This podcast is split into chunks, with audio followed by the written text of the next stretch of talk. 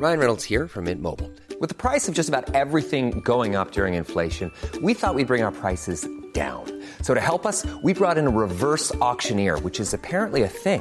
Mint Mobile unlimited premium wireless. Ready to get 30, 30, bit to get 30, bit to get 20, 20, 20, bit to get 20, 20, bit to get 15, 15, 15, 15 just 15 bucks a month. So, Give it a try at mintmobile.com slash switch. $45 upfront for three months plus taxes and fees. Promo for new customers for limited time. Unlimited more than 40 gigabytes per month. Slows. Full terms at mintmobile.com.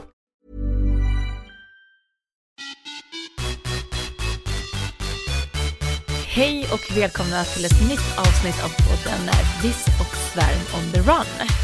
Gud, jag höll nästan på att säga spring så snackar vi. man, man blir så förvirrad här nu när vi har våra två poddar. Men idag är det söndag när ni lyssnar och det är som vanligt Viss och svärm i lurarna. Jag som pratar nu heter Sara Viss och med mig har jag som alltid Josefin Svärm. Ja, här sitter jag. Ja, och på tal om faktiskt det här spring så snackar vi så kan vi faktiskt direkt checka av om du höll vad du lovade, att du skulle testa vårt pass 5 som var en blandning av löpning och styrketräning. Har du hunnit göra det? Jag har gjort det. Jag gjorde det igår när vi spelade in här nu. Du kom på det då, bara shit jag måste ja, göra det. för du påminde mig på eh, WhatsApp här. Jag bara, men gud jag har glömt att springa. Så jag sprang igår eh, till det här passet. Och det var ju superkul. Pass 5 var ett pass där vi kombinerade styrketräning, eller styrkeövningar med eh, löpning. Eh, det var väldigt kul.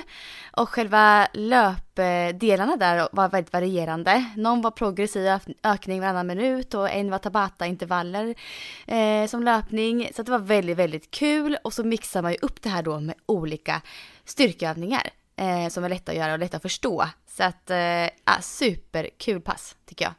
Och jag såg ju också att vi fått bra respons på det nu. Vi bad ju om att få lite feedback förra avsnittet och det fick vi också, väldigt fin. Ja, jag tror att folk har lite så här gjort dem i ordning, pass 1, 2, 3, 4, 5, för det känns som, Ja. som nu börjar de här utvärderingarna från pass 5 eh, komma in och det har ju gått några veckor nu så det har blivit att man kanske har kört ett i veckan eller sådär. Ja, jag tror det faktiskt. Och är det någon som inte hänger med på vad vi pratar om nu så är det ju alltså vår andra podd som vi gör ihop med Aftonbladet Plus. Så med plustjänsten på Aftonbladet så får man tillgång till sex stycken intervallpass som jag och Josefin har gjort, som man alltså blir coachad medans man springer. Så har man svårt att komma på egna intervallpass eller pusha sig lite extra så kan man sätta det i lurarna och så gör vi det jobbet åt er så behöver ni bara göra det tuffa jobbet, alltså att springa. Ja, och det är väldigt många som skriver att de pushar sig extra mycket när vi hejar på. Och jag upplever samma sak när jag kör passen, att man får extra energi, man tar i lite extra, så det ger väldigt, väldigt fin effekt. Ja, jag Och vi tycker det är roligt ju- också att, jag säga att det är roligt också att jag sett att det är både personliga tränare och löpcoacher som också har sprungit. Och att de Ah. också blir så här, eh, gud det är så härligt att någon annan ibland säger åt en vad man ska göra och pushar, att de ger extra. Och det där har ju vi sagt, att det här med att vara sin egen coach är ju inte alltid det bästa. Man kan vara en jätteduktig coach till andra, men det är så skönt och ger så mycket annan liksom push och liksom eh, ett annat lyft i träningen om man får coaching eller pepp från någon annan. Ja men så är det ju verkligen. Och vi har ju sagt sex stycken pass i den här serien. Och eh, det sista passet här, pass nummer sex, tänkte vi bara ta upp här lite nu vad det är för någonting. Där så kör vi backintervaller. Vi kör 10 stycken 30 sekunders intervaller med en och en halv minuts vila emellan varje intervall. Och jag älskar ju backintervaller. Vad säger du Sara?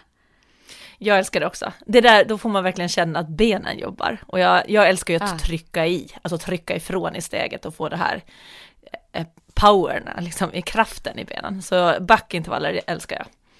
Ja, och det, gör, det ger sån fin effekt också på löpstyrkan. Det här är den bästa styrketräning för löpare, långdistanslöpare skulle jag säga. Det är liksom backintervaller som är ganska intensiva. Man blir väldigt, väldigt löpstark. Så grymt bra är de faktiskt.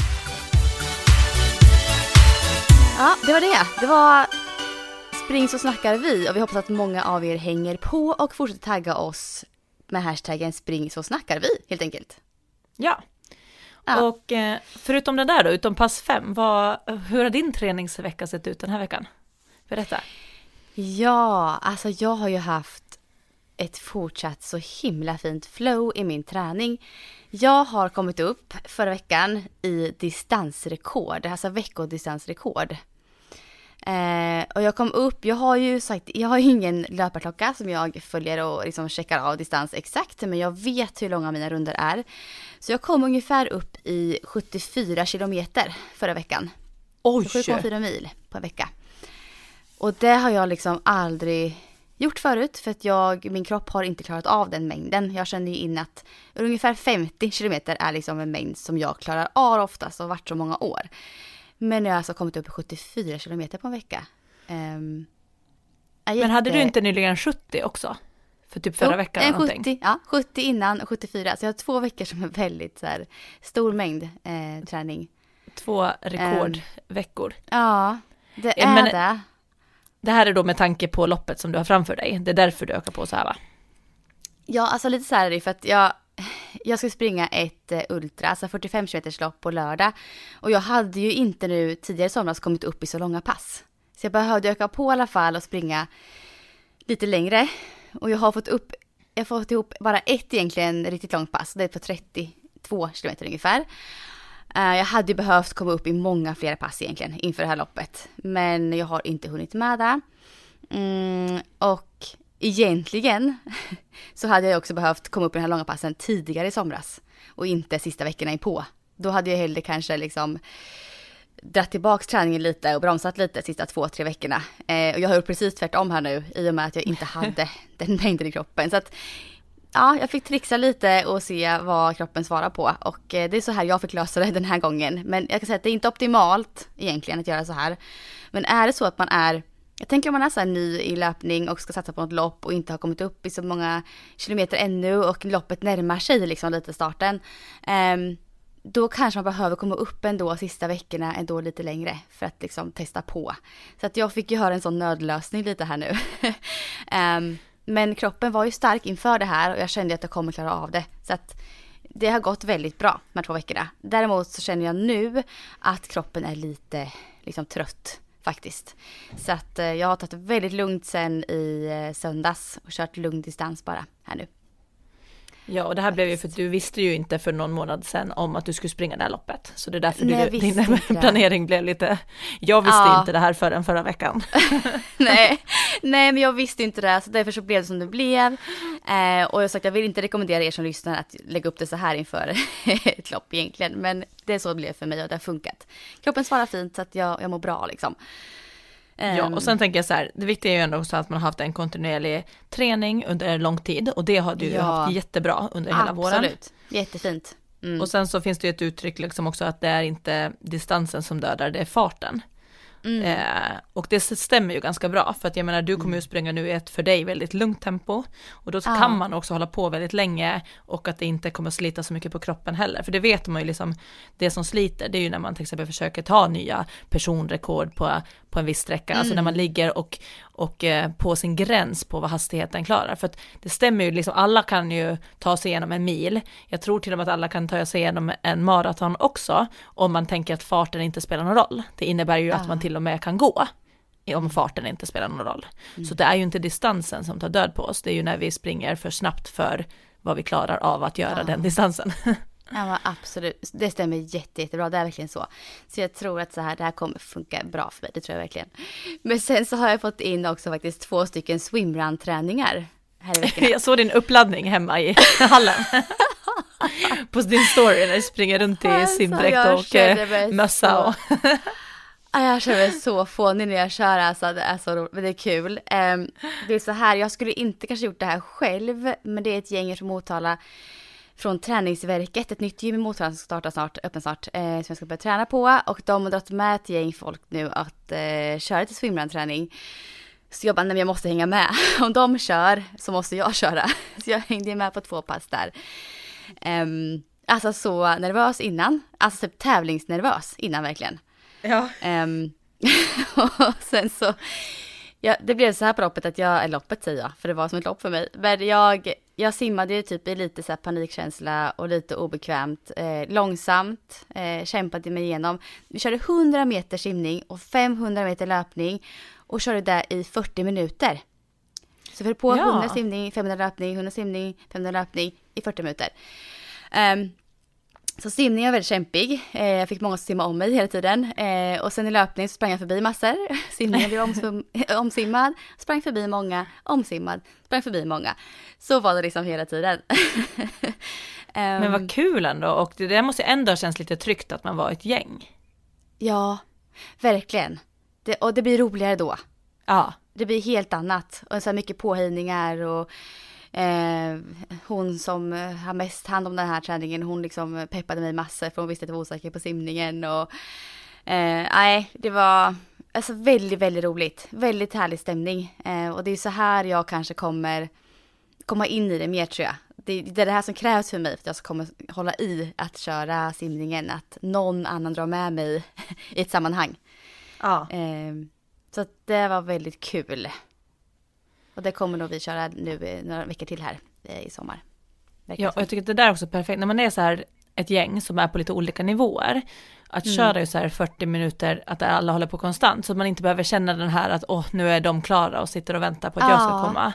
Det där gör man jättemycket i crossfit, det kallas ju AMRAP, alltså as many reps as Precis. possible in det här är ju 40 crossfit-folk. Ja, ja, jag kan tänka Ja. det. Och, men det är så bra för då kan man på crossfiten också köra, man, vissa hinner 10 varv, andra hinner 3 varv, alltså det, det spelar ingen roll för att alla startar Nej. samtidigt och alla är klara samtidigt och alla kommer också vara lika trötta oavsett om man har kört 10 varv eller 3 varv för man har Ja. gjort efter sin förmåga. Så jag tycker att det där är ett jättebra sätt och det kan man göra som en sån här löp ehm, om man har någon sån löpträning också med någon slinga och kanske några Mm. styrkeövningar eller någonting. Så där, men jag älskar det tänket för det blir så inkluderande och ingen behöver känna sig att jag kommer sist eller jag blir efter eller sådär. Nej, alltså så himla bra. Och jag blev ju så här, jag blev omsprungen eller varvad två gånger av någon kille som var snabbast till exempel. Och det var så här, man bryr sig ju inte. Alltså, alla kämpar på sin nivå som du säger liksom. Det är ingen som bryr sig om någon kommer sist eller det är ingen som ser det. Man är Nej. bara en i mängden. Så det var, nej, superkul, verkligen. Så min träning har flutit på bra, men jag har nu en väldigt lugn vecka eh, och haft det sedan i måndags. Hur har din träning varit? Den har varit bra, den, jag är fortfarande lika så här pepp och motiverad. så den här veckan som eh, går nu då jag har, nu börjar ju min träningsvecka typ på fredagar för att jag liksom tar det från i hur många veckor Lias är. Lite så. Ja, just det. Så därför blir det som att jag lite har koll på hur lång tid det har gått sen snittet och sådär. Men så den här veckan som har gått nu då, så nu är jag, nu är jag uppe på 30 minuters promenad. Eh, jag började ju på 20 och så gjorde jag tre sådana promenader och sen gjorde jag tre stycken på 25 minuter och nu har jag gjort tre stycken, fyra stycken till och med på 30. Eh, och de känns lättare nu än mina de här första på 20. Så att nu är ju kroppen verkligen med. Men gud vad skönt. Ja, eh, sen har jag ändå inte så här att jag måste öka varje gång eller att jag måste gå varje dag, utan ibland så har jag typ sovit jättedåligt och har lite huvudvärk, så då skippar jag den promenaden. Men jag försöker ändå att kanske komma upp i totalt steg, att jag, jag åtminstone kanske går 7000 i alla fall. Eh, om, men så här då utspritt i så fall på dagen, så att jag försöker ändå hålla igång så att jag inte blir helt eh, stilla. Sen har jag också gjort lite, eh, börjat hitta det här mag, eh, inre magmusklerna. Jag Och såg det är ju ett sånt som- inlägg. Eller Vad sa du? Instagram. Jag såg ett inlägg på Instagram när du gjorde Ah. en... uh, Ja, Precis, och det är sånt som man brukar säga att man kan börja med egentligen direkt efter när man kommer hem från BB eller så. Och det kan man både som eh, efter vanlig födsel och efter kejsarsnitt också. Men oftast är det vanligt att man har ganska ont i magen. Så jag har typ inte velat göra det förrän eh, nu. Det här med att börja hitta inre bål och lyfta upp och spänna sådär. För att förut stramade det så mycket kring, eh, kring ärret och nedre delen av magen. Men nu känns det bra, så att jag har börjat med inre bålstyrka i olika positioner. Och så har jag dessutom passat på att göra lite fotstyrka. Det var så här jättetråkigt, så man typ Ja. aldrig där spreta med tårna, gå högt på tå, gå på ah, insida, men utsida. så bra. Det är så bra tänker jag och det påverkar Ja. ju inte mitt, eh, det, det är ingen belastning på ärret eller på raka magmusklerna eller någonting sånt. Så då tänkte jag, då kan jag faktiskt känna att jag gör det lite i alla fall. Mm, jättebra. Så det har jag gjort och nu kommer jag då snart gå in i min femte vecka i träning då och det jag kommer lägga till nu är att börja göra eh, rörelser där jag håller kvar den här inre bålen. Så att bland annat typ så här fyrstående, men att då lägga till så här diagonala lyft eller bara ben och armlyft.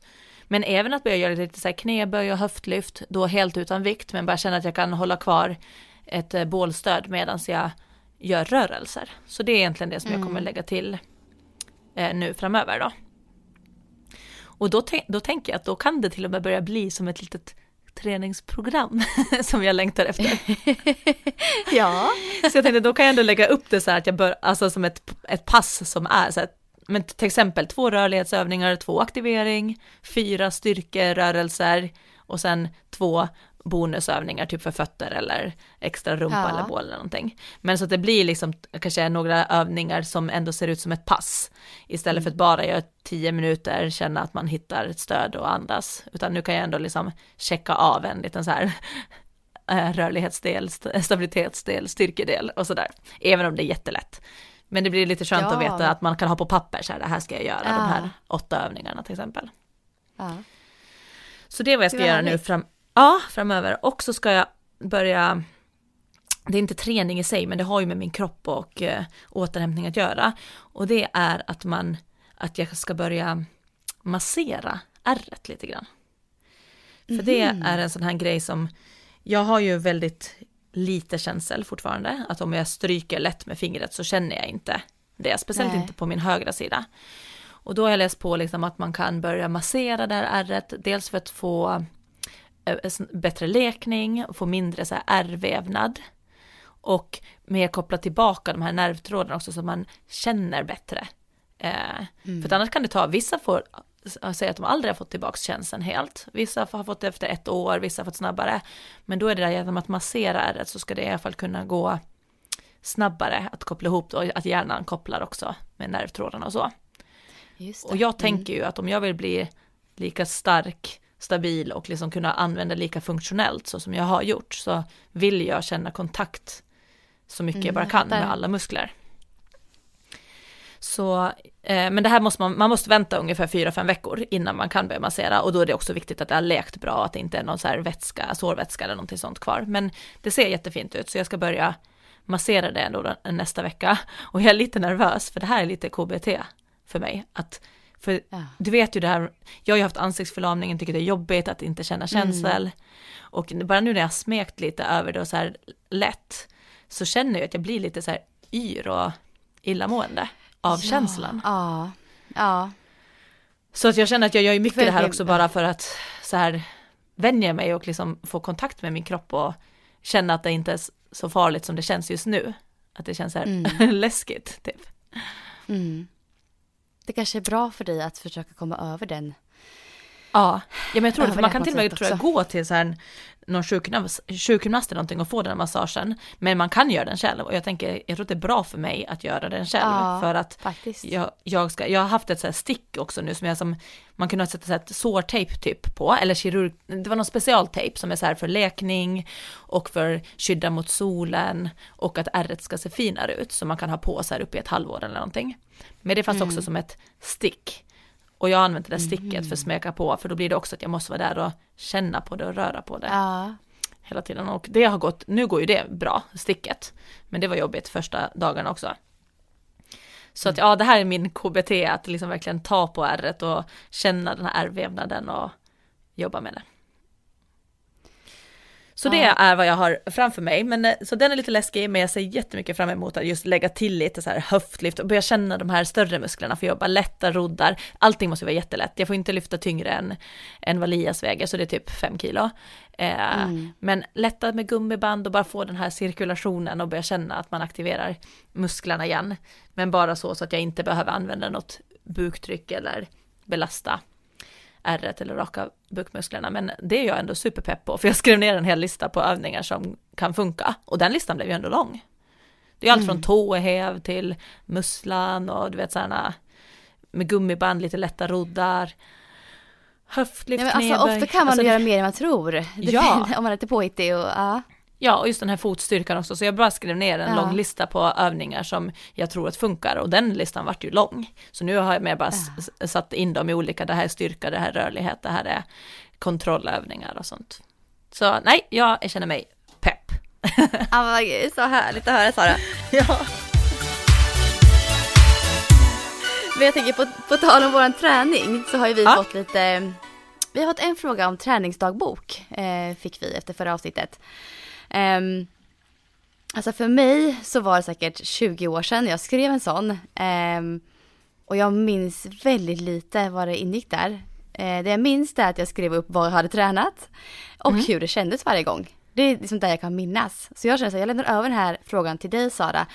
Så får du svara lite på hur du skriver träningsdagbok och vad du tycker kanske man ska ha med. Ja, eh, jag har ju också varit lite så här periodare med det här, men jag började skriva väldigt tidigt. Jag tror jag har sagt det någon gång i podden förut, men alltså min första Ja, det har du. träningsdagbok, den är ju från när jag tränade gymnastik och kanske var Ja. sex eller sju år. Och då var den bara så enkelt att det var så här hemmaträningsprogram och så skulle man kryssa i när man, datum när man hade gjort det. Och så fick man klistermärke från tränaren efteråt. Jättegullig. eh, men sen var det väl egentligen när jag tränade friidrott där, som då använde jag träningsdagbok regelbundet och så friidrottsåren, de finns i sina fysiska böcker. Eh, och det var böcker som vi också fick från ett eh, SFI heter det, det är inte svenska för invandrare som alla i Sverige tror, utan det är Svensk-Finlands idrottsförbund och eh, dit kunde man bli så uttagen på ett läger och sånt, och, men fick man vara på de här lägren, då var det också att man behövde fylla i sin träningsdagbok för hela året, så att tränarna på lägret lätt skulle kunna se hur tränar du normalt när du är hemma, eller hur tränar du? Så de ville alltid att det fanns en träningsdagbok som man hade med sig när man kom på lägren. Och då blev det ju att man skrev väldigt detaljerat. Så i dem så finns det, och där har jag nog skrivit allt från uppvärmning, alltså jag skriver löpskolning, jag skriver intervallerna, ungefär vilka tider de har gått på och all så här styrka, alltså väldigt detaljerat allting. Eh, och där skrev jag nog också i lite som du sa, att lite så här hur det kändes, att om jag var pigg eller, eller kände mig stark eller sådär, att jag försökte sätta någon form av eh, så på det. Eh, men de slutade jag med ganska tidigt, alltså när jag slutade friidrotta, för det där tog ganska lång tid att sitta och skriva i för hand. Eh, allting. Så sen ska jag säga att det beror helt på eh, vilken nivå jag har varit på och om jag har haft något mål eller inte. Varje gång jag har ett mål, då skulle jag säga att jag har haft någon form av träningsdagbok. Om jag bara har tränat så här för att ja, men jag försöker träna fyra gånger i veckan för att hålla igång, då har jag inte brytt mig så mycket om att skriva ner vad det är, för då är det mer bara att kanske, kanske att jag haft en sån här checka av att jag tränar fyra gånger i veckan och gjort någon Ja, form av så här kryss då liksom bara. Ja. Mm. Eh, nu när min träning är så enkel, alltså så lite, så då har jag egentligen det som jag har sagt nu, alltså nu har jag en vanlig kalender, alltså en- men en fysisk kalender som jag bes- beställde här under, här under våren faktiskt. Ja, just det, så skriver i verkligen. Yes, så där skriver jag lite bara Yes. på de här vanliga da- eh, på datumen. Eh, och då, nu skriver jag ner bara det jag kan fokusera på, så jag skriver hur många steg jag har gått om dagen. Och det är bara för att se också att det inte drar iväg för mycket eller sådär. Mm. Att, jag, att det följer en liten progression. Så skriver jag också eh, om jag gjort mina de här styrkeknip. Eh, alltså bäckenbottenträning. Och sen så skriver jag om jag har gått en eh, promenad och då skriver jag då hur lång den har varit. Så jag skriver både eh, promenad och antal steg, det är som två olika. Eh, Styrkeknip, hur många gånger om dagen jag gjort det. Och så nu fyller jag också i att jag skriver inre bål, aktivering, eh, ryggliggande, sidliggande och fyrstående till exempel. Så så kort gör jag det. Mm. Men då eh, sätter jag i ändå lite så att jag har lite koll på. Och till exempel nu gjorde jag magliggande aktivering och då skrev jag att jag, att jag tyckte att den var svår just nu. För att också då kunna det. veta att den här var svår för två veckor sedan så ska jag se om det Ja, känns så det bättre. kanske känns lätt. Mm. Ja, så att om det är någonting sådär Mm. som att jag känner att den här, det här var svårt att göra eller kändes konstigt, då skriver jag det. Så det är väl typ så som jag gör nu och där sätter jag då istället för hur passet känns så skriver jag en allmän så här till exempel sovit dåligt eller trött eller bra energi. Så jag skriver lite hur min, mitt allmän tillstånd för dagen är. Eh, för det kan ju också påverka tycker jag. Men när jag har typ tränat så här sprinter nu på senaste då, när, alltså när jag har haft de här tydliga målen och program som jag följer. Och det här gör, så här gör jag också med mina PT-kunder, för det blir som en träningsdagbok, men då är det egentligen att jag gör träningsprogrammet i ett Excel-ark. Jag använder Google, Google Drive. För där kan man göra nya flikar för nya veckor, till exempel det är lätt att kopiera hela veckan och sätta in som nästa och sen bara ändra vad progressionen är om jag har ökat någon vikt eller sådär.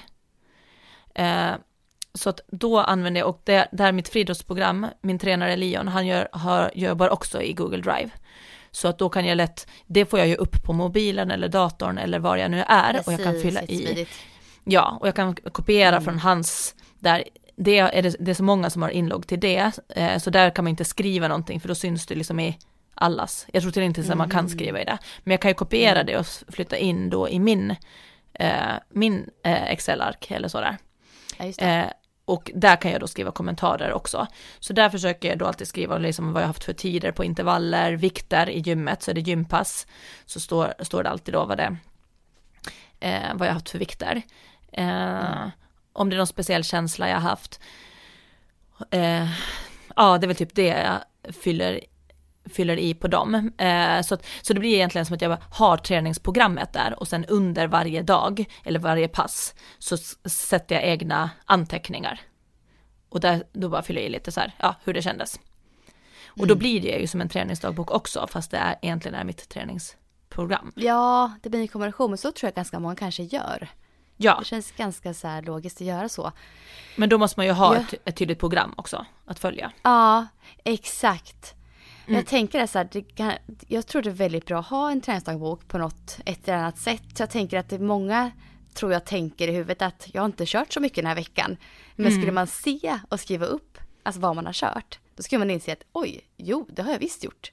Jag har fått Ja. till det här, det här, det här passet, det här känns jättebra, det här var ju görstark. Alltså, jag tror man lätt kanske förminskar det man har gjort. Kanske oftare så än tvärtom. Är min känsla. Ja, det tror jag absolut. Speciellt eh, vissa perioder, eller sådär, när man tänker men Ja. Inte hinner eller alltså så här. Mm. Att man, att man skulle man ändå se allt litet man har gjort så, så hade, men jag, och jag tror att så här, men vill man ha en träningsdagbok för att det ska hå- hålla i längden, mitt blir ju lite periodvis att när jag är inne i någonting så kör jag det liksom. Eh, men då tror jag att man ska hålla det enkelt. Det ska inte ta för lång tid och det ska inte vara för krångligt att fylla i. Och Så det blir gjort. det, det fick jag ett jättebra exempel på, för när vi var uppe på, på julen så var vi uppe hos eh, Lasses mamma och hennes man, Janne.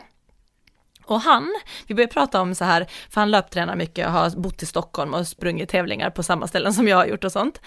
Eh, och då han bara, ja men det är så kul att jag har skrivit träningsdagbok ända från 70-talet. Och jag bara, va? Han bara, han bara, ja du kan få se dem.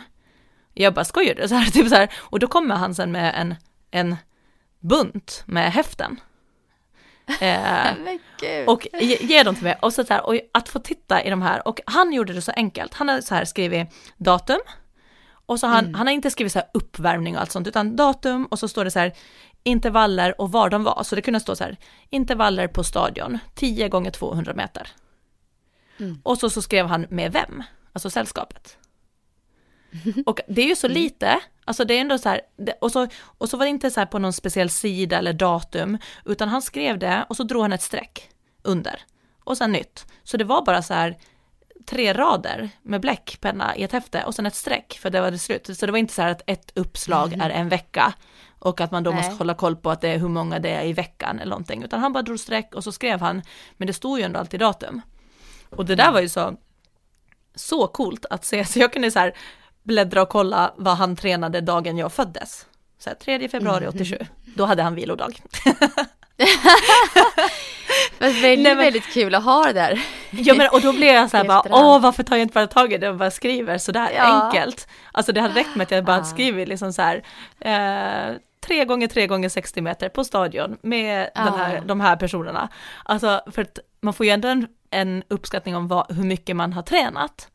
Eh, och sen hade han en samman, längst bak så hade han en sammanställning på antal pass per månad, tror jag. Så då drog han bara liksom streck för hur många, så då okej. kunde man ändå se hur många pass han hade tränat eh, för, per månad. Och det tyckte jag var väldigt, så, så vill man bara göra det enkelt för sig så tror jag att det där kan också vara jätteroligt och motiverande. För man vill ju ändå fylla i också då Ja. när man har tränat och sådär.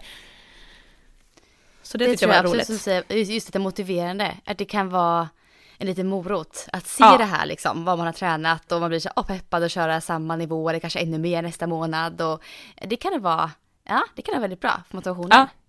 Men som sagt, enkelt om man vill hålla det i längden och skriva under längre tid. Ja. Eh, men har man ett specifikt mål, till exempel jag ska springa maraton om ett halvår, då kan man ju faktiskt skriva lite mer avancerat fram till det och sen så får den liksom vara klar Mm. Efter det. Absolut. Så man kan öka alltså progressionen, alltså successivt öka distansen och så, här, så har koll lite på hur man lägger till. Mm. Det kan ju vara bra faktiskt. Ja. Vi har ju också fått eh, lite andra frågor till podden. Ja. Ehm, vi fick ju, jag tänker den här, jag och min syster hade ju ett avsnitt, vi pratade om eh, en del om utmattning och stress och så. Yes. Och ehm, det var ju en tjej då som skrev, jag ska ta fram det här, hennes fråga på eh, när det här I kommentarsfältet på Instagram. ja, precis. Då skrev hon så här, eh, fint avsnitt, men jag funderar så här i efterhand på det här med att ha eget företag. Är inte det också en jättestress i vardagen när man på egen hand måste få ekonomin att gå runt varje månad? Hur tänker ni kring det? Och den här frågan, det är väldigt relevant. Ja, och de, om det är någon som inte har lyssnat på avsnittet med dig och din syster så pratar ju ni om utbrändhet, stress, eh, lite psykisk ohälsa och så. Och, Mm, och Alexandra, din syster, berättar ju där då också att, att hon har ju varit med om det här, eh, varit sjukskriven. Eller visst var hon sjukskriven? Ja. ja, ja, Och därefter så har hon också startat eget företag för att få det, för att få lite livs, eller vardagspusslet att på något sätt passa henne bättre. Så det var Ja, det ni pratade tillbaks. om och att du också Ja. har eget för att det passar dig bättre. Ja, precis. Men då blir det faktiskt en relevant fråga det hon sa, just att är Absolut. inte eget också stressigt? Ja. Och jag svarade henne här direkt i kommentarer, så jag kan läsa mitt svar också första kanske och sen även Alex svar här, eh, vad hon skrev. Eh, jag svarade så här, eh, tack, jo visst är det så att eget företag kräver mycket energi. Men den största skillnaden som jag upplever är att jag kan fördela tiden som jag vill och inte vara bunden till en arbetsplats vissa tider. Jag kan jobba effektivt när jag är pigg och har energi och vara ledig de dagar jag är trött och sliten. Ofta har jag mest energi på förmiddagen och kvällen. Då jobbar jag som allra bäst. Jag tror att det, här, det är friheten som gör att jag känner ett lugn och mindre stress på något sätt. Men jag tror också att vi alla fungerar olika. Eh, sen är det klart att man ibland känner att man är trött och skulle vilja vara ännu mer ledig. Men det gäller nog de flesta yrken man har. Eh, och sen så skrev Alex här då. Eh, intressant reflektion. Jag har verkligen testat på allt och har gått ner en hel del i lön. Jag har valt att leva ett enkelt liv och handlar och handlar bara det jag verkligen behöver. Hälsan först, men så måste man ju även kunna betala sina räkningar. Så bra reflektion som sagt. Vill även tillägga att jag jobbar en hel del som vikarie utöver min egen verksamhet för att få ihop ekonomin. Det var våra svar till henne då. då. Mm. Ehm, vad tänker du här Sara? Ja, men, för jag läste det där och tänkte så där, Mm. att, att jag känner också ju nu att, eh, att ha eget känns jätteskönt. Jag hade haft svårt att gå tillbaka, för jag upplever också den här känslan av att kunna liksom bestämma lite mera själv, tider eh, och jag vet inte, kanske rapportera till någon annan eller så här, vad man, när man är på plats eller vad så här, eh, att det är jätte, jätteskönt, men det har ju inte alltid varit så och det är ju den här uppstarten kan ju faktiskt vara väldigt stressam. Eh, så att även om jag nu idag känner så ah, nej, men det är så mycket skönare och att det här passar mig mycket bättre, så har det inte alltid varit så. Eh, jag tyckte att det var väldigt jobbigt i början, eh, för det var liksom så här, nej, men det var ju en stress, dels för att man ville på något sätt visa att man klarar det, och både för sig själv och kanske för andra om man har sagt upp sig någonstans eller sådär. Ja, Att det jag känner så så igen med det här. Ja. Ja, att det blev så här, okej det här, eh, nu tar jag det här steget och det var läskigt. Och då kommer jag ihåg att stressen fanns där hela tiden, för i början var det stressigt för att eh, man jobbade så mycket med att försöka nå ut till folk och liksom starta upp allting. Eh, och sen om det varit en lugnare period, då var jag stressad över att det var lugnare period, för man visste ju aldrig hur det skulle se ut månaden efter. Det var liksom alltid bara så här, just den här veckan har jag bra med kunder eller så. Och kanske nästa, men det var som att kalendern sträckte sig aldrig längre fram än typ två veckor. Och det vart också en stress, kommer jag ihåg, att det var liksom, jag kunde liksom aldrig riktigt slappna av, varken när, jag, varken när jag hade mycket att göra eller när jag hade lite att göra, så var den där stressen hela tiden där. Eh, så att jag håller helt och hållet med att liksom det är inte bara, det är inte bara så här enkelt, det är det inte. Absolut inte. Nej. Så jag tror att om man funderar ändå på att kanske det, här, det här kanske är min väg, jag tror att det är viktigt att man tänker så här, varför vill jag starta eh, eget företag och verkligen veta sitt varför. Mm. Eh, jag vet att när jag eh, satt och gjorde det här då när jag ville sluta på mitt, alltså när jag var, jag var anställd PT förut. Eh, och då Vart jag, var du anställd PT någonstans? Det var i Kalmar. I Kalmar, okej. I Kalmar var jag det. Och där, samtidigt var jag ju väldigt flexibel där också, för som PT så bokar man in sina kunder själv ändå. Ja. Eh, däremot så var det som att all betalning gick ju via gymmet och jag fick ut en mindre del för att de tog ju en viss procent också. Dock hjälpte ju de en med marknadsföringen och sälja in och sådär. Men Yes. det blev som att man var egen fast ändå var man anställd så jag hade ju inte liksom fördelen av att vara egen. Men jag hade inte heller tryggheten av att vara anställd för jag hade ju fortfarande bara jobb om jag hade bokat in tider med kunder. Hade jag inga Ja. kunder så hade ju inte jag någon annan lön. Och då var det liksom så här så jag kände att jag verkligen fick det, det bra av någon delarna. Nu idag så tror jag att uh, PT-verksamheten har utvecklats lite på gym också, att man på vissa ställen kan ha någon fast lön oavsett hur kund, alltså så här att det ser ut. Men då blir man också mer styrd till att behöva vara där vissa tider och sådär. Ja. Så det är väl för och nackdelar. Men så då, jag kom att jag, jag kände att det som var viktigt för mig, det var ju att jag ville verkligen styra mina tider och känna att det jag säljer, det är liksom min kunskap och min tjänst. Så därför känner jag att det är det, det är det enda jag kan ta betalt för. Det är min tid, min kunskap och liksom det jag ger till kunden. Och då är det viktigt att jag får betalt för det. Så att det kan inte försvinna så mycket på vägen tycker jag. Eh, och sen, men framförallt var det så här att jag ville känna att jag skulle ha hög kvalitet till, till kunden. Så jag ville hellre jobba, ha färre kunder och få ut samma sak än att ha många kunder som jag måste ha, jag måste ha rätt många kunder när jag jobbade så som anställd PT för att få ut en vettig Ja. lön. Och där kände jag ganska tydligt att det, det, jag ville inte ha lika många kunder och tjäna ännu mer. Utan det var just det som, Jose, eh, nej, som eh, Alexandra var inne på, att liksom, Ja. jag ville ju liksom inte öka i lön, utan jag räknade ut att jag skulle kunna få samma lön på, genom att ha typ fyra kunder om dagen istället för sex. Mm. Mm. Eh, och det var stor skillnad, för jag bara, då kan jag vara en bättre PT, jag kan ha mer tid för varje kund och framför allt så kan jag orka i längden, för jag kände ändå, jag älskar det här yrket. Men jag kommer inte orka att ha sex kunder fem dagar i veckan. Det blev som så här på löpande band. Och var jag trött en dag så var det som att jag var inte närvarande så som jag vill vara när jag har en kund framför mig.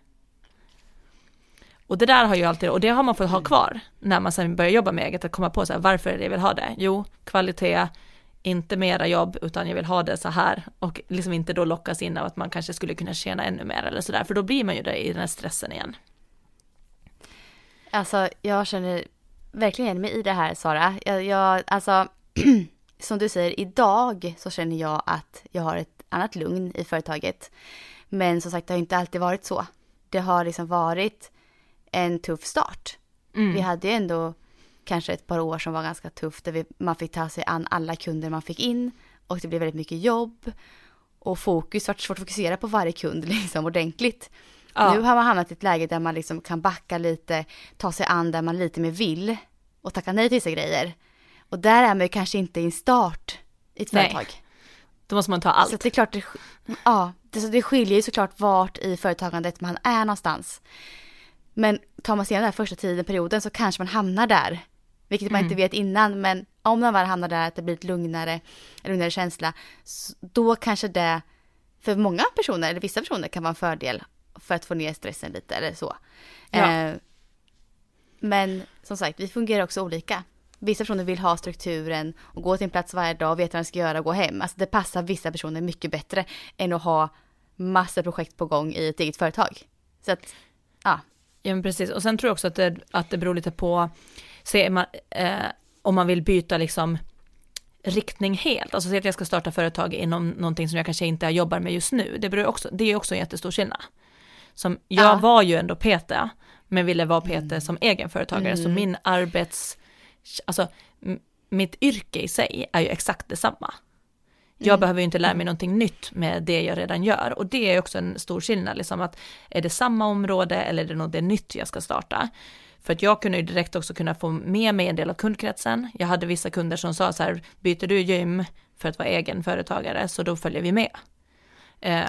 Jag hade några Såklart som jag visste, En, ah, ja, jag hade några som jag visste att skulle köra online med mig. Eh, Mm.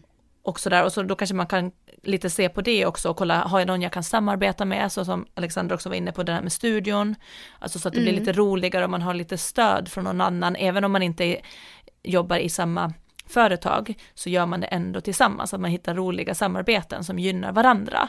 Sånt är ju Ja. jättebra. Eh, jag, vågar inte se, jag, för jag vågar inte svara på hur det är om jag skulle mitt i allt bara men som jag har sagt att jag skulle kunna vara, ha ett café någon gång, typ Ja. för att det är något Ja. så här som jag skulle tycka är jättemysigt. Men det hade ju varit en helt annan stress. Om jag mitt i allt skulle Ja, känna att jag vill starta eget och ha ett café. För där är jag ju ny på allt. ja men precis.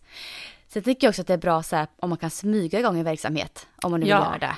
Ehm, om det är något område som man känner att det här vill jag på sikt jobba med, kan man smyga igång något sånt kanske på sidan av sitt jobb, gå ner i arbetstid och få upp lite inkomst på det nya ett tag, så är det också ganska bra om det går att lösa så.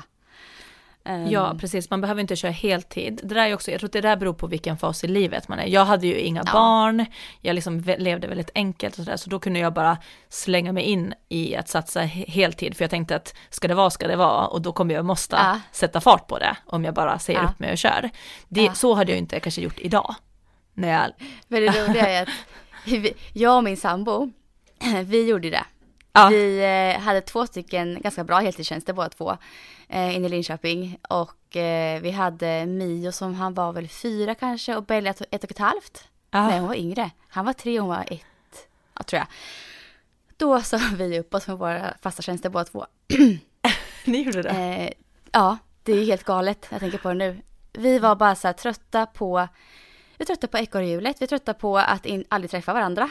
Ehm, och vi bara nej, vi måste göra en förändring i vårt liv. Vi är inte, det här, vi är inte glada i det här. Så vi sa ju upp oss och eh, såg upp oss i ett företag tillsammans. Men, ska tilläggas då, att vi gick in i verksamhet som min sambo har jättemycket erfarenhet av. Ja, Ehm, vi, har, vi startade som reklam, reklambyrå och han har jättemycket utbildning om det. Han har gjort mycket hemsidor, logotyper, skapat material till företag. Det är det han jobbat med hela tiden och haft som sidobusiness som enskild firma förut också. Så att han hade ju väldigt mycket och vissa kunder som vi fick med oss direkt. så han gjorde lite mer så som, jag. Ja, och jag gick in också på ett hörn där. Precis. Men jag fick lära upp mig på nytt, eller ganska mycket nytt. Eh, och sen också att jag, jag hade mycket säljerfarenhet så jag kom in som projektledare egentligen i företaget från början och lite ekonomiansvar. Så jag gjorde lite allt möjligt. Eh, men det var en ny bransch för mig. Så jag var ju, där var det stress för mig, kände jag att det var nytt för mig. Men han var lugn och trygg, så en av oss var ändå lugn och trygg i det här nya. Men det var ju en period, vi fick ju kämpa där, jag hade två små barn. Det var väldigt tufft alltså, i efterhand. Och du, jag kan tänka Jag mig fattar det. inte hur jag klarade av det. Jag blev lite stressad. där- jag hade nog inte, ja. jag känner att jag blev lite stressad skulle jag det. faktiskt, det skulle jag inte ha gjort kanske om i efterhand. Jag Nej. hade ju kanske väntat, men jag ångrar det inte nu. Men just där och då så var ju det ett stresspåslag. Ja. Absolut. Så det skulle jag inte rekommendera andra att göra. Då skulle jag kanske hellre väntat in tiden lite grann. Ehm, eller innan man får barn. Alltså antingen eller. ja. Om man ska göra en sån stor satsning direkt. Eh, men det gjorde vi. Ehm, Ja men gud vad Ja. spännande. Ja men jag tänkte, Ja. jag, jag var ju inte alls i den fasen, men jag gjorde ändå som så att jag kommer ihåg att jag räknade ut också lite så här, vad, vad har jag för månadsbudget, alltså här, vad, vad har jag för utgifter på en månad, alltså hyra, mat Mm. och så här. Eh, och så såg jag till att jag hade sparat innan så att jag åtminstone hade tre månader som jag skulle klara mig utan att ta ut en enda krona. Ja. Och det var också en, alltså att jag visste så här, ja, det, det kan jag göra. Eh, Och samtidigt som, igen som Alexander sa också så här, vilka utgifter kan jag minska ner på? Jag vet att jag shoppade ingenting under de här eh, tiderna. Det var liksom mat Nej. och det här. Och jag var inte i behov av det heller, för jag hade sån kick och jag var så glad att jag vågade ta steget och testa det här. Så jag gick ju på den, liksom så här, det var liksom, in- det lockade inte med att spendera eller liksom så här åka med på någon weekend med några kompisar eller någonting, för det var så här, nej, jag, jag gör det här nu. Och det var liksom bara Men det, det. tror jag, ja, och det tror jag hon, Alex, också tänker och känner likadant som du gjorde där. Alltså hon är där numera, liksom att hon prioriterar det nu. Hon liksom, hon lägger inte pengar på, hon har ju haft köpstopp ganska länge nu. Alltså Ja. minst ett år tror jag, som hon inte köpt i princip ingenting till sig själv.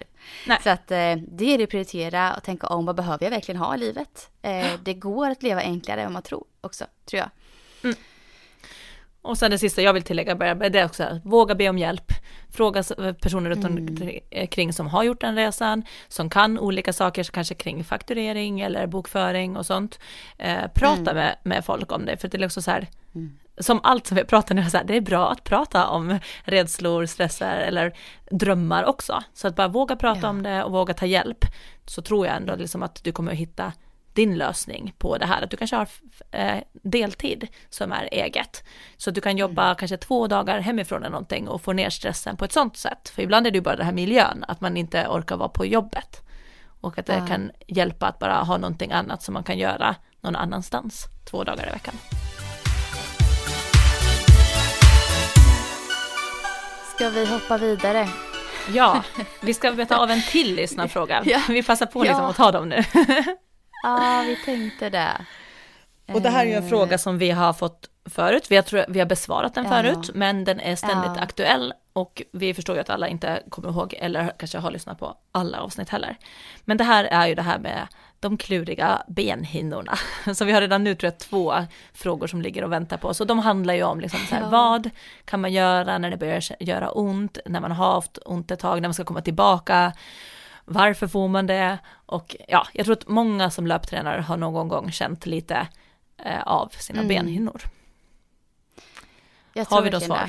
Eh, Ja men det, det finns inget bra svar på sig. Och det, nej, men det finns för lite, man kan ju diskutera lite kring det. Det är ett, det är ett jobbigt problem för att det är så här, det kan hänga kvar ett tag. Det är väl det som är tråkigt med det. Och det verkar som att vissa personer kanske är lite mer benägna att eh, få det här problemet. Har du men haft det? klart det finns. Nej, alltså jag har inte det. Jag har aldrig haft det. Mm. Har du det? Jag har haft det. Eh, och det är en sån här typisk, om jag säger hur jag fick det, så är det så här klassisk. Eh, jag, gick Ja, över från, ja, jag gick över från gymnastik till friidrott. Började löpträna Mm. fyra, fem gånger i veckan, springa intervaller på löparbanor, som är, det är ju typ cement under den lilla gummi. Eh, Ja. Så att jag sprang där och mitt i allt så hade jag sen då otroligt ont i mina benhinnor. Det var som direkt, det kändes ju dygnet runt. Ah, Eh, mm. Verkar, jag skulle säga att det påminner lite som så här växtverk som man hade när man var liten. Mm. Typ så var den här molande hela tiden, men när man sprang så kändes det som hugg i smalbenet. Att det kändes verkligen som att man kunde inte tänka på någonting annat än när, där, när man träffar foten i marken. Det är som att kroppen säger stanna liksom. Ja. Eh, och det som hjälpte mig då var att minska ner lite på löpningen och sen så körde jag också alla mina intervaller på fotbollsplan istället för på banorna. Jag sprang mycket barfota på fotbollsplan då. Och det funkade. Så, Mm. Det gick alltså över med hjälp av den... eh, ja, alltså eller nej, jag var på, jag var också på så här akupunktur, jag försökte massera, Mm. jag försökte göra stretchövningar och sånt. Och det tror jag att det hjälpte väl symptomen i alla fall, att det gjorde mindre ont tillfälligt. Men det tar Mm. nog inte bort problemet. Men genom att sluta springa på banorna och springa lite mer på mjukt underlag, det hjälpte ju mig kanske att hinna anpassa musklerna och liksom rörelserna i löpning skonsammare. Mm. Och det tror jag att gjorde att det försvann, var ju att jag trappade ner på det som hade gjort att jag fick ont. Ja, och det är egentligen så svaret på det. Det första enkla svaret är väl det. Att Mm. trappa ner, dra ner på löpningen en period. Gör kanske annan alternativ träning eh, vid sidan av, tänker jag. Mm. Eh, det är det första svaret på den här frågan. Så tänker jag, sen beror det på vart, säg på skala 1 till 10, hur, hur ont hade du? När du hade ont? Ja, jag hade nog åtta i alla fall, kanske när det var som Ja. värst. För det här vet jag att vi pratade om förut, att om man, om man känner smärta upp till 1, 2 av 10, då kan man oftast köra.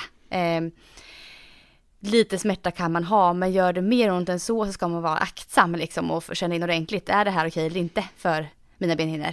Eh, och är det 6 till 10 på en skala så är det verkligen spring inte alls. Så att Ja. känna in hur ont gör det. Um, det kanske går att köra lugn jogg en period och annan träning eh, vid sidan av om du ligger på en tvåa på skalan till exempel. Ehm, Men ligger du högt upp där så ska du kanske inte springa alls under en period. Eh, eller byta ut som du sa med löpträningen, kanske köra på ännu mjukare underlag. Ehm, och inte alls på hårt underlag under en period. Ehm, sen var jag faktiskt inne på, jag kollade på löpskolan på Instagram häromdagen. Eh, Du har varit med där i en Ja. artikel en gång ju. Ja. Ja. De är ju väldigt duktiga på alltså allt som har med löpning att göra. Det kan jag verkligen rekommendera kontot att gå in och följa löpskolan på, loopskolan kanske på Loops. Instagram. Ja, precis. På Instagram. Mm, ja, de tar upp bland annat olika skadeproblem och man kan göra. Och då såg jag ett inlägg om just benhinnor. Och då hade landslagssjukgymnasten Linda Nilsson rekommenderat vad man skulle göra om man har problem med benhinnorna. Och det finns ett blogginlägg för er som vill läsa det eh, på lappskolan.se som publiceras 9 i sjätte nu i år. Där hon, det står ganska mycket om det här och det finns olika övningar man kan länka till och klicka in på där hon visar vilka övningar man ska göra. Eh, men det hon sa, eh, det är att en viktig grej, det är fotledsrörligheten. Man tänker ju ofta styrkan och träna upp den på olika sätt. Men just rörligheten i fotlederna var jätteviktigt enligt henne att få till. Och där har hon olika övningar som hon visar i det här blogginlägget. Så där kan man faktiskt gå in och kolla på eh, vad det är hon gör där. Eh, och hon rekommenderar också olika styrkeövningar. Bland annat, Sara, så har hon den här övningen draken som du och jag pratar om ibland i podden. Ja, just det. Um, den är väldigt bra för koordination och balansen och samspelet där mellan uh, uh, i underkroppen som är väldigt bra. Så att draken som de flesta av er vet om vilken det är, det kan man googla sig fram annars.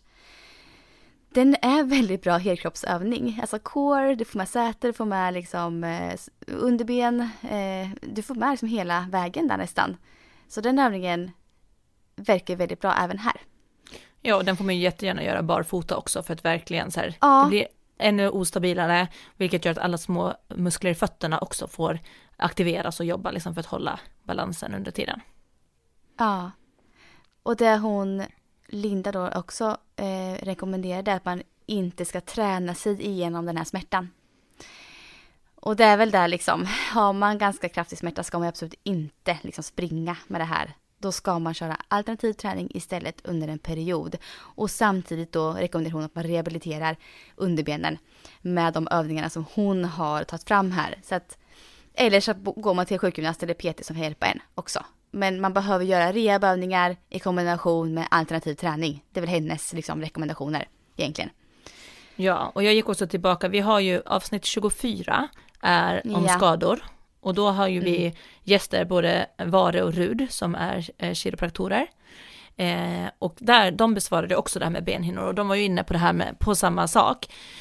Att eh, eh, smärtan, de förklarar också så här att det är, att ofta så är det när man gör en övning, till exempel löpning då, lite längre än, alltså när man börjar bli trött, då tappar man oftast tekniken och då börjar också smärta uppstå.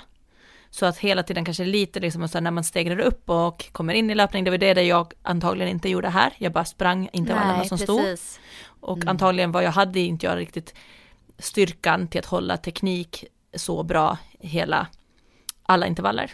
Och, så de menar ju att det är mycket det där att du måste, du behöver träna också där inom där du känner att du eh, inte hamnar i det läget. Du får inte bli för trött och tappa tekniken. Eh, men sen var ju de också inne på det som, som hon här, sjukgymnasten också är inne på, liksom att det är ju sällan benhinnan i sig, eller säg att man har löparknä eller vad som helst, det är ju inte knä i sig då som är problemet ofta. Utan de pratar ju väldigt mycket om att man har hela den här kedjan och att den måste vara stark hela vägen, för att annars kommer du få ont någonstans. Så de som vanligt är ju att man till exempel har just en fot som är svagare eller orörligare, stelare. Eller att man till exempel har ett bäcken som svajar lite sida till sida. Och det i sin tur gör att man får ont någon annanstans. Precis. Så det, och det kan ju faktiskt vara, har man ju så här ont i benhinnor eller någonting, så här kanske jag faktiskt gå till någon som kan se över och hur balanserad man är i kroppen. För ofta stretchar man ju, men det kan ju bli att det är den muskeln som kanske redan är lite uttöjd för att någon annan muskel är överspänd. Ja. Så det man vill är ju liksom att du ska få balans i det här och inte liksom då stretcha ut ännu mera, för då kan du ju nästan också, det kan vara skönt tillfälligt, men det behöver ju absolut inte lösa problemet. Nej, Eh, alltså, ja. Ja, eh, vad sa de mera då? Men de var ju också lite inne på det där med att det är okej Med också att träna med, med smärta. Ja. Men att som du Yes. sa, den ska vara låg, men att då kan det vara okej. Mm. Går den upp lite, ja men då kanske man kan fortsätta ett litet tag, men man ska vara på, på, på, liksom på sin vakt. Och det ska aldrig gå Mm. över till en smärta, då behöver man liksom stanna. Precis. Och, Alltså jag tycker Vara och Rud, de skulle vi kunna rekommendera också er som lyssnar. Bor ni i Stockholm eller har vägarna förbi Stockholm, de är ju riktigt duktiga alltså. Ja, Rud har hjälpt mig eh, med min fot och sådär. Och uh, bålen och, nej men jag tycker att de är ju så grymma på det de gör. Ja, eh, de är jätteduktiga. Mm. Och eh, vad ska jag säga, just det, de hade ett tips där på slutet också, kommer jag ihåg, att de var så här att om man har haft ont och ska komma tillbaka, att just det här med progression också, att hela tiden liksom Yeah. så här lite i taget, och då pratade de om att så här, att eh, Rud sa till exempel så här, ja men gör som, som du Josefin, lämna löpklockan hemma och bara spring på känsla och bara lyssna och sådär. Eh, och det är ju ett sätt för de som fungerar så. Eller så sa, var det att använd löpklocka, men för att begränsa dig, ställ in så här, du får Ja. springa så här långt eller så här, så att det inte blir, för att vissa personer som springer på känsla, då drar det iväg sen ändå, bara nej men det kändes bra och så har de sprungit allt för mycket ändå. Ja, absolut. Ja. Så där får man ju se lite hur man är, men att antingen bara springa på känsla, lämna prestationen och ta det lugnt, vet man att nej, jag kommer att springa för mycket om jag gör så, på med en löpklocka, ställ in innan hur du får springa, hur snabbt eller hur långt och sådär, för att verkligen känna att du har koll på att det inte blir för mycket. Ja, och här kan ju träningsdagbok vara väldigt bra, tänker Ja. jag.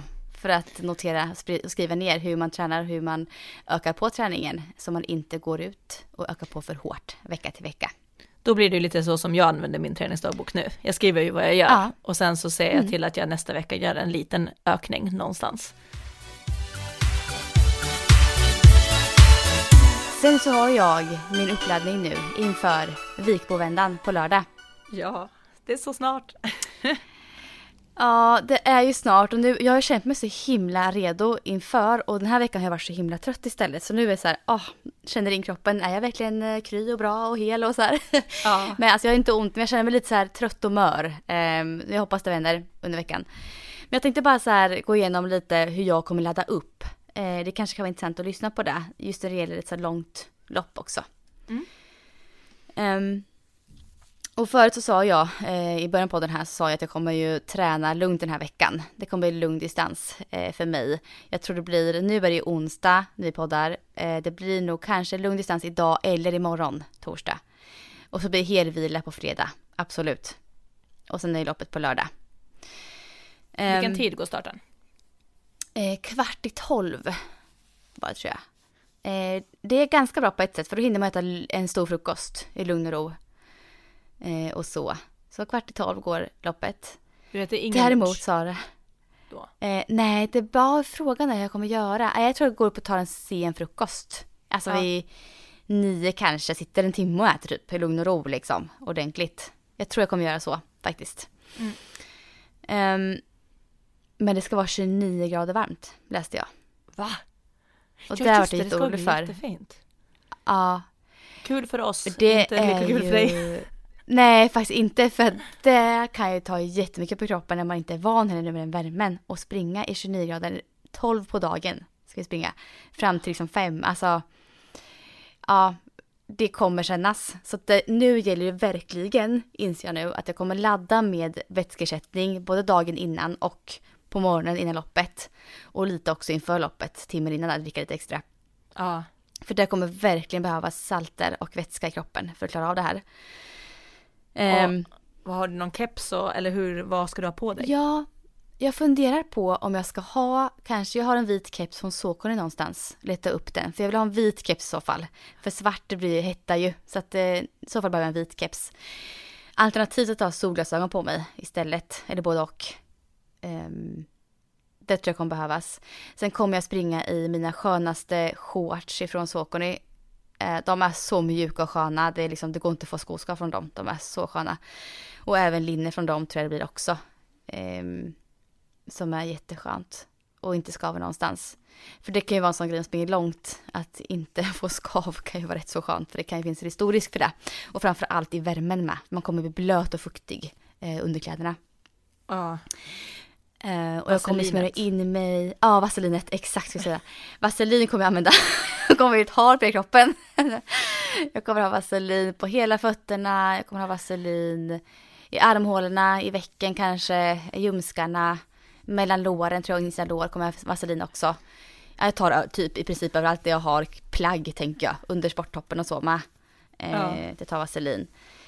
För att förebygga att få skav. Mm. Och sen kommer jag ta det roliga är att jag har fått ett par nya skor hem nu som jag kommer att springa i.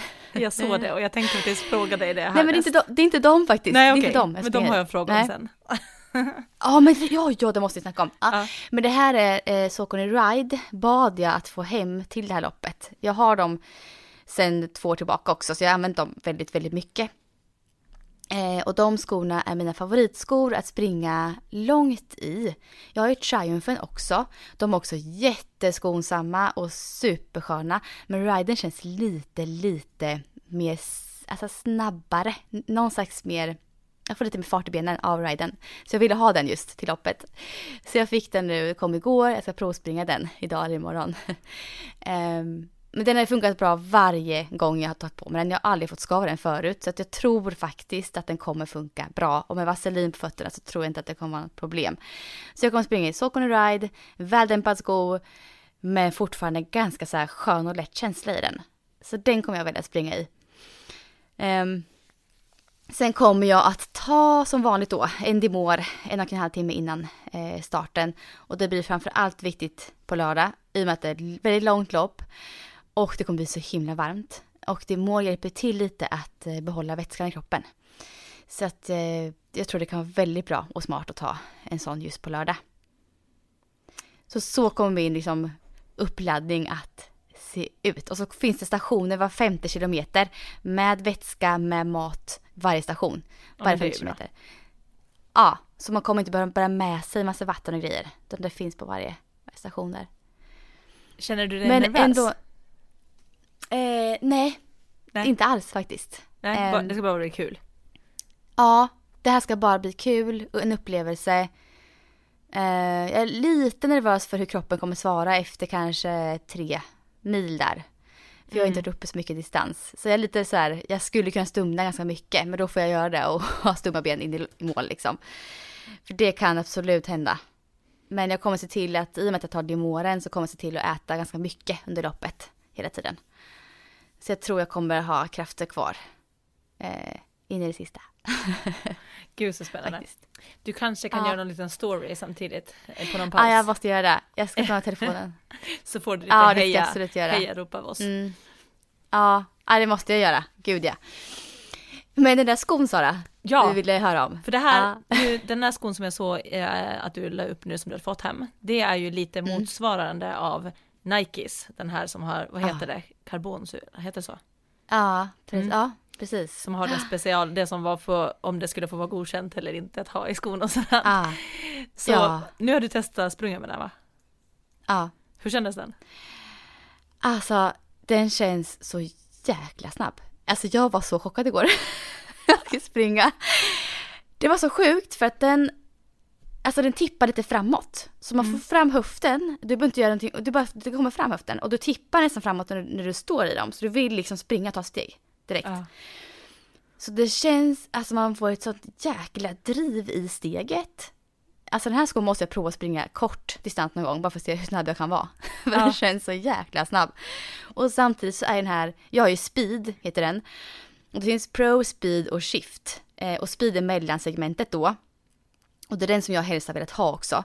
Eh, Pro är ju verkligen tävlingstävlingssko som är ganska nätt sula. Speed är lite mer sula men fortfarande så himla lätt sko. Men den blir lite mer skonsam också. Ja. Så den här, ja, den här kommer vara snabb.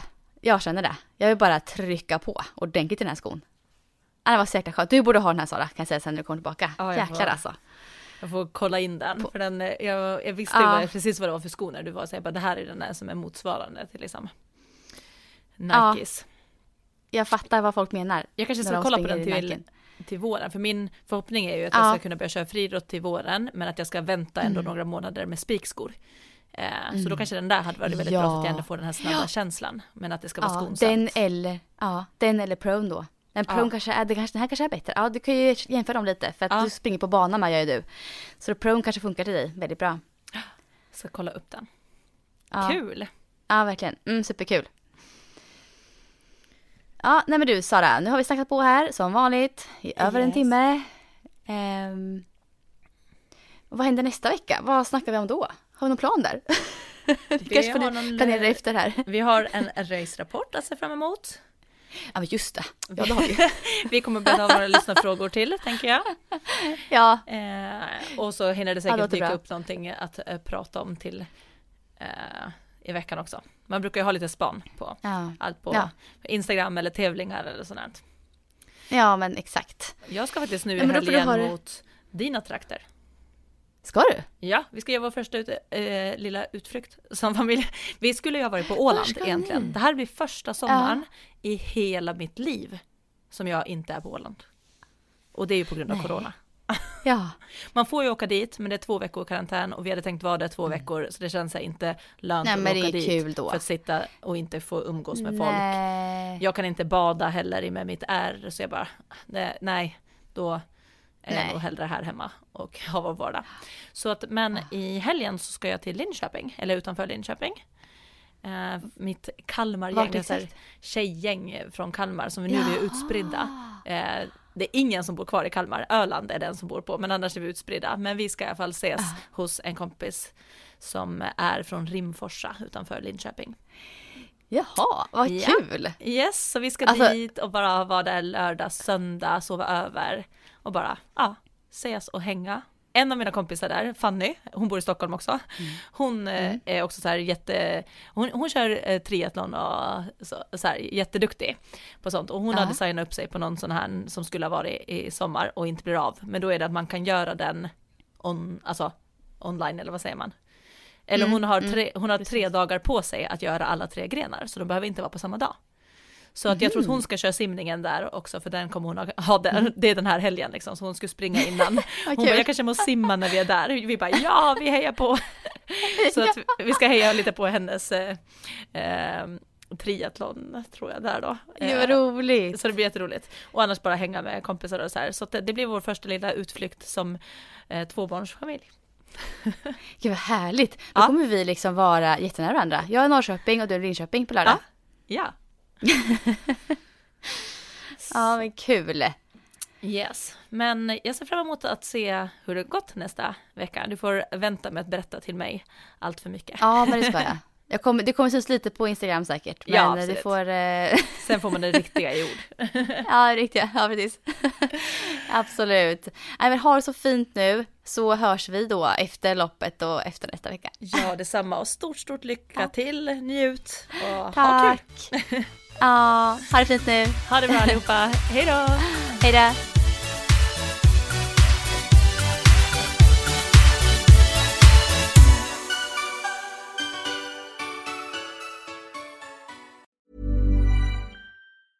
Ever catch yourself eating the same flavorless dinner three days in a row?